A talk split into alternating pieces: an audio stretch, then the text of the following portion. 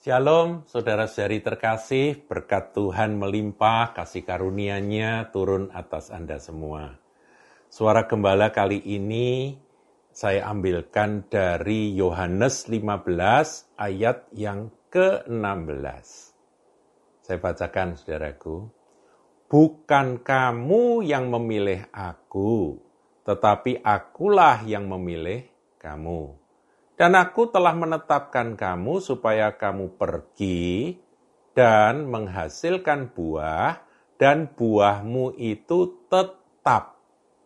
Supaya apa yang kamu minta kepada Bapa dalam namaku diberikannya kepadamu.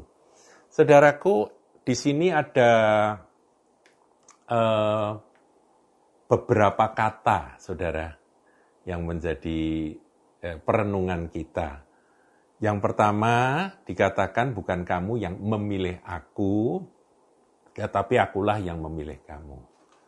Jadi bukan Anda yang memilih Tuhan Yesus, tapi Tuhan Yesus yang memilih saudara dan saya. Bukankah itu kasih karunia yang luar biasa, saudaraku? Saudara dan saya dipilih dan ini bukan kebetulan kalau Anda mendengarkan akan suara gembala hari ini, bersyukurlah, ucapkan terima kasih Tuhan, Engkau memilih aku.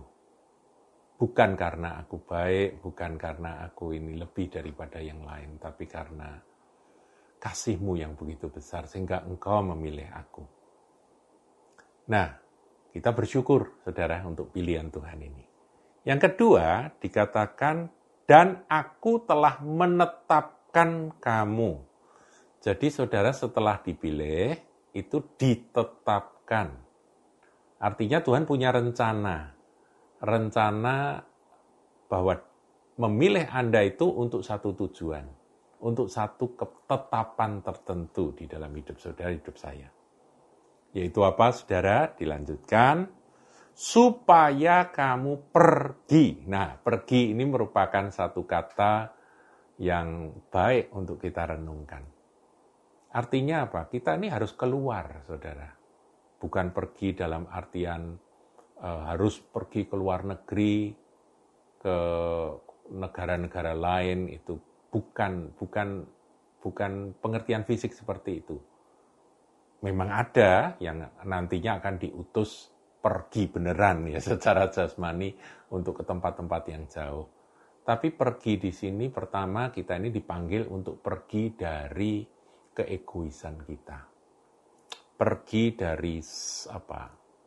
kepentingan diri sendiri kita. Pergi dari apa cita-cita dan apa kenyamanan yang ada pada kita. Jadi kenyamanan kita, cita-cita kita, harapan-harapan untuk diri kita sendiri, aku pengen ini, pengen itu, kita harus keluar dari itu semua. Pergi keluar dari itu semua untuk apa? Untuk menerima Tuhan apa sih sebetulnya rencanamu, apa kehendakmu, eh, dan apa maumu dalam hidupku ini. Kalau belum belum kita keluar dari diri sendiri, susah. Semuanya nanti dipenuhi diriku sendiri. Aku pengen ini, aku pengen itu, Pengennya Tuhan apa sih? Saudara harus pergi, keluar dari dirimu sendiri. Ya, jadi keluar dari lingkaran si aku ini, saudara harus pergi.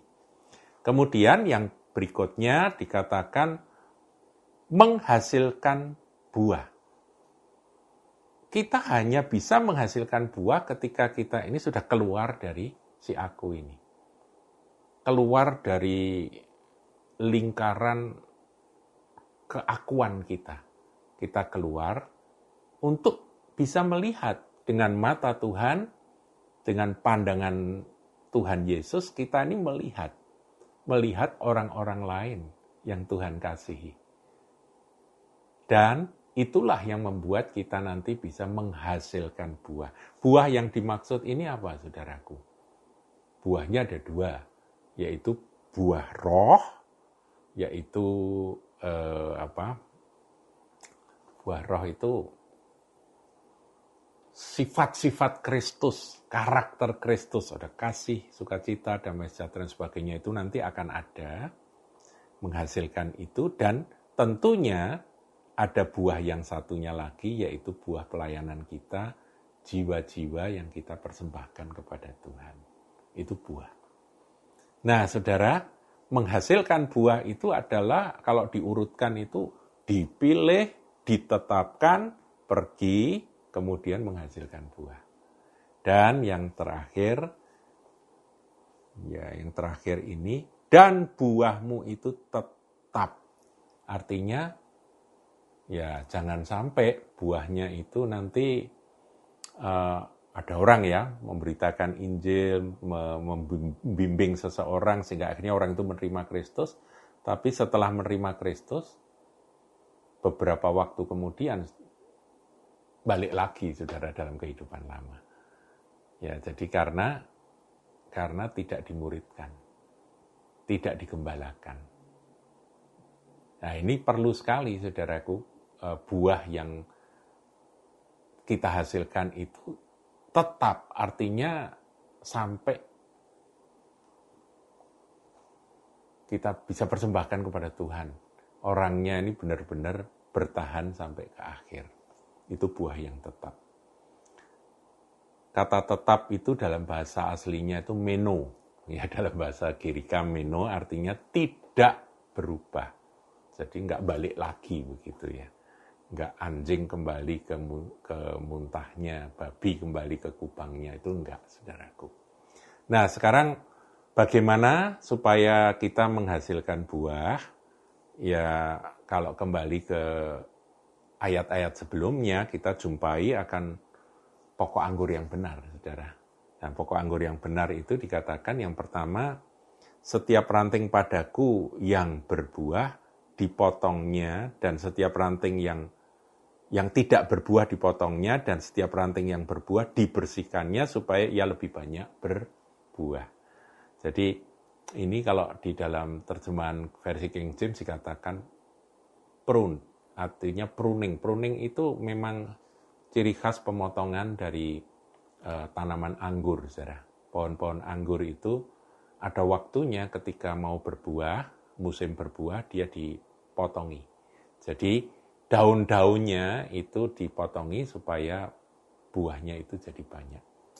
Nah ini ini yang perlu kita ketahui. Saya menafsirkan saudaraku bahwa daun itu adalah kegiatan-kegiatan di dalam pelayanan kita. Kadang-kalanya Tuhan memangkas berbagai kegiatan itu supaya kita bisa fokus menghasilkan buah. Dan buah itu adalah hasilnya, ya buah anggurnya. Kemudian ya tentunya tinggal tetap di dalam Kristus. Karena e, kalau ranting itu tidak melekat pada pokok anggur, maka dia akan kering dan dia akan dibuang, saudaraku ya. Jadi dia harus melekat pada pokok anggur. Dan ketika itu berbuah, buah itu bukan buah kita, tapi buahnya sang pokok, yaitu Tuhan Yesus. Yesus berkata, akulah pokok anggur yang benar. Kamu adalah ranting-rantingnya. Jadi eh, saya berharap tinggal di dalam Kristus dan Kristus tinggal di dalam kita, itulah yang akan membuat kita bisa menghasilkan buah. Tuhan memberkati. Haleluya.